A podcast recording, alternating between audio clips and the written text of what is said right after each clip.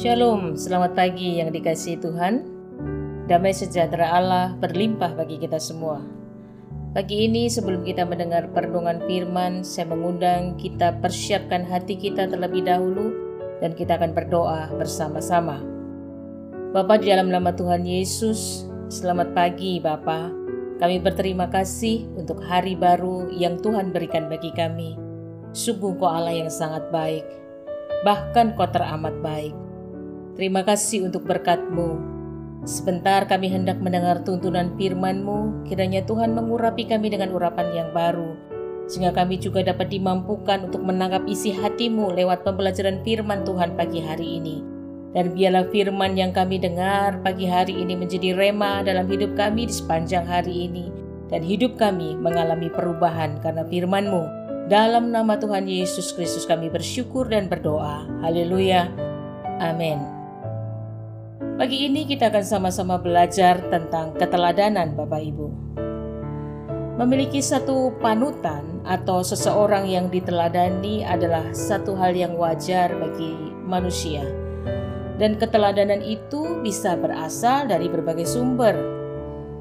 Ada yang menjadikan orang tuanya sebagai teladan, ada yang menjadikan gurunya sebagai teladan, atau mentornya sebagai teladan Bahkan ada juga orang yang menjadikan gembalanya, gembala gerejanya sebagai satu teladan. Tentu masing-masing orang berbeda Bapak Ibu. Tetapi satu hal yang harus kita perhatikan dengan lebih teliti adalah jika kita memilih seseorang menjadi panutan atau teladan dalam hidup kita, maka kita harus memahami betul hal apa yang kita bisa teladani dari orang tersebut. Yohanes 15 ayat yang ke-9 sampai ke-12 berkata seperti ini. Seperti Bapa telah mengasihi aku, demikianlah juga aku telah mengasihi kamu. Tinggallah di dalam kasihku itu. Jika kamu menuruti perintahku, kamu akan tinggal di dalam kasihku seperti aku menuruti perintah Bapakku dan tinggal di dalam kasihnya. Semuanya itu kukatakan kepadamu supaya sukacitaku ada di dalam kamu dan sukacitamu menjadi penuh. Inilah perintahku yaitu supaya kamu saling mengasihi seperti aku telah mengasihi kamu. Demikian firman Tuhan. Bapak Ibu terkasih dalam Tuhan, pagi hari ini kita sudah membaca kebenaran firman Tuhan. Dan kita bersyukur sebab di dalam kehidupan kita, kehidupan perjalanan kekristenan kita, kita memiliki Tuhan Yesus yang harus kita jadikan sebagai sumber teladan atau panutan di dalam kehidupan kita. Dari pembacaan ayat yang telah kita lakukan tadi Bapak Ibu, apa yang kita bisa petik dari firman ini? Yang pertama, tetap tinggal dalam kasih Kristus. Ayat 9 sampai 10 kita berkata, seperti Bapa telah mengasihi aku, demikianlah juga aku telah mengasihi kamu. Tinggallah di dalam kasihku itu. Jikalau kamu menuruti perintahku, kamu akan tinggal di dalam kasihku seperti aku menuruti perintah Bapakku dan tinggal di dalam kasihnya. Sebuah gambaran yang begitu jelas terpapar di depan kita. Ayat ini berkata bahwa betapa luar biasanya hubungan yang ditunjukkan bagi saudara dan saya. Bapa mengasihi Kristus dan Kristus mengasihi kita. Ada sebuah hubungan yang indah, yang manis bagi kita se sebagai anak-anak Tuhan. Hubungan yang indah antara kita dengan Kristus. Perhatikanlah kata jikalau. Di sana ada sebuah pemberitahuan atau ajakan atau perintah yang disampaikan secara implisit. Tapi tidak ada pemaksaan di sana berdasarkan ayat ini, melainkan sebuah gambaran sebuah hubungan timbal balik. Jika kita menuruti perintahnya, maka kita tinggal di dalam Kristus. Jadi Bapak Ibu yang terkasih dalam Tuhan, untuk mengikuti teladan Kristus, maka orang percaya, yaitu saudara dan saya, harus tinggal di dalam kasihnya. Katakan amin. Dalam terjemahan bahasa Indonesia sehari-hari Bapak Ibu, ayat ini berkata, "Hendaklah kamu tetap hidup sebagai orang yang kukasihi." Kasih yang menjadi dasar dari semua hubungan ini Bapak Ibu. Dan tentu saja yang kasih yang dimaksud bukan kasih yang lain tetapi adalah kasih agape, bentuk kasih yang paling tinggi kasih yang tidak menuntut balas, kasih yang tanpa batas, kasih yang sempurna dan murni adanya. Orang yang berada di dalam Kristus, tinggal di dalam kasih Kristus, mengikuti teladan Kristus, akan terus hidup dan menunjukkan kesetiaannya kepada Kristus.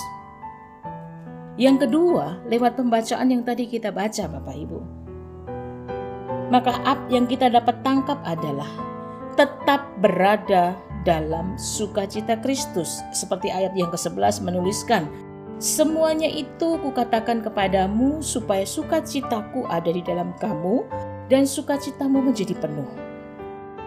Ketika kita tinggal di dalam Kristus dan memiliki kasih agape yaitu kasih yang sempurna, tulus, tidak menuntut balas, maka kita akan dipenuhi dengan sukacita bukan karena apa yang berasal dari dunia, tetapi kita menjadi penuh sukacita karena kita tinggal di dalam Dia dan kita memiliki Dia, Bapak Ibu. Dalam terjemahan NIV dituliskan, "Sukacitaku ada di dalam kamu dan sukacitamu menjadi penuh." Apa yang berasal dari dunia, semua ini akan sirna, Bapak Ibu. Kita harus ingat akan hal ini semua yang berasal dari dunia, semuanya itu pasti akan sirna.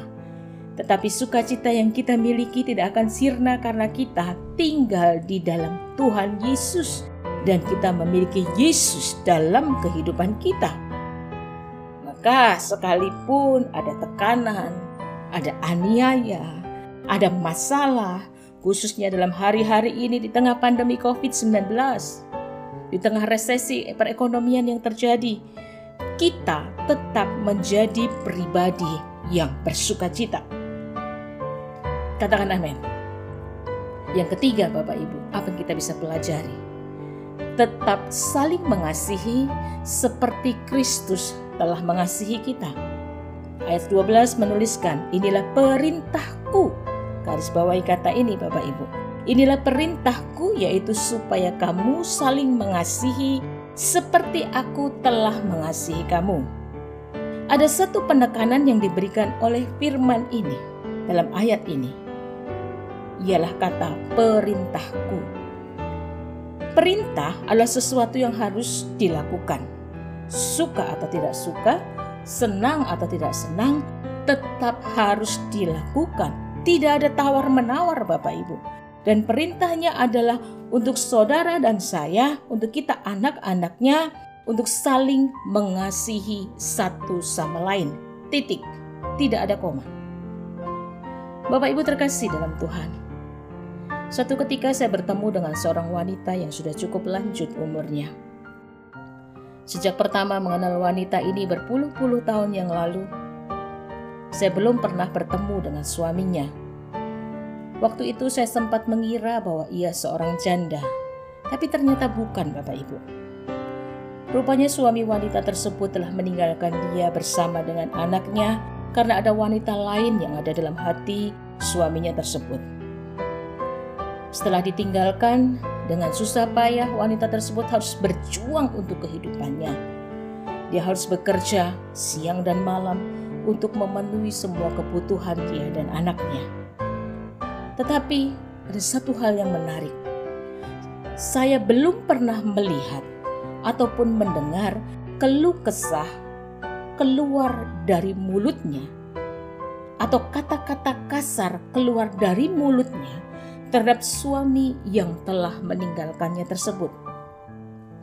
Ibu ini membesarkan anaknya sampai menjadi besar, kemudian lulus sekolah, bahkan membangun rumah tangga hingga sampai akhirnya dikaruniai seorang anak. Sampai pada hari itu pun, sekali lagi saya tidak mendengar adanya berita tentang suaminya. Sampai pada suatu saat, tiba-tiba saya mendengar mereka dipertemukan kembali. Ibu ini meminta kami untuk datang ke rumah agar berdoa untuk suaminya. Dan yang membuat saya secara pribadi kaget adalah ibu ini dia telah dipertemukan kembali dengan suaminya meski keadaan suaminya sudah sangat tidak baik secara fisik. Sudah tidak mampu berjalan lagi. Tetapi satu hal yang saya lihat dari ibu ini, dari wanita ini adalah betapa kasihnya masih utuh terhadap pria ini. Kasihnya luar biasa atas suaminya, meskipun laki-laki itu pernah menyakiti hatinya, meninggalkannya, menganggapnya tidak ada, bahkan membiarkan dia harus berjuang menjalani kehidupan yang amat berat bersama dengan anaknya. Tidak ada rasa dendam. Namun dengan kasih dia merangkul suaminya, dia mengurusnya dengan baik dan merawatnya dengan sepenuh hati sampai pada akhir kehidupan suaminya. Pernah suatu ketika saya bertanya kepadanya, mengapa dia melakukan itu? Sebab buat saya ini adalah kisah yang langka. Selama ini saya banyak bertemu dengan wanita yang punya kasus yang sama, mereka masih muda, lalu mereka akan berkata dengan nada emosi, "Kalau dia pulang, saya akan mengusirnya. Saya akan menolaknya. Dia harus terima pembalasan dari saya, dan sebagainya, dan sebagainya, dan sebagainya." Sementara saya melihat dari ibu ini, justru malah dengan kasih dia memberi hidupnya untuk melayani suaminya yang telah meninggalkan dia, yang telah menyakiti hatinya menyediakan segala sesuatu yang dibutuhkan suaminya tanpa mengeluh, tanpa komplain. Dan waktu dia menjawab pertanyaan saya, betapa luar biasa yang saya mendengar jawaban dari mulut seorang wanita yang sederhana tapi punya kasih yang luar biasa. Dia mengatakan, hidup itu adalah kesempatan. Dia suami saya. Dia adalah orang yang baik. Dia ayah dari anak saya Selama ini Tuhan sudah sangat baik pada saya. Tuhan sudah mengasihi saya dan menolong saya.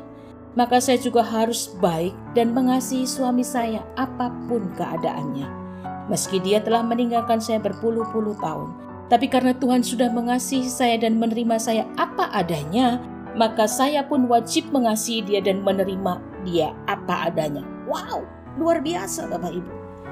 Waktu ibu ini di dalam kesederhanaan kesederhanaannya tinggal di dalam Kristus. Dia dipenuhi kasih Kristus, berendam di dalam kasih Kristus sebab kesukaannya memang membaca Alkitab dan berdoa.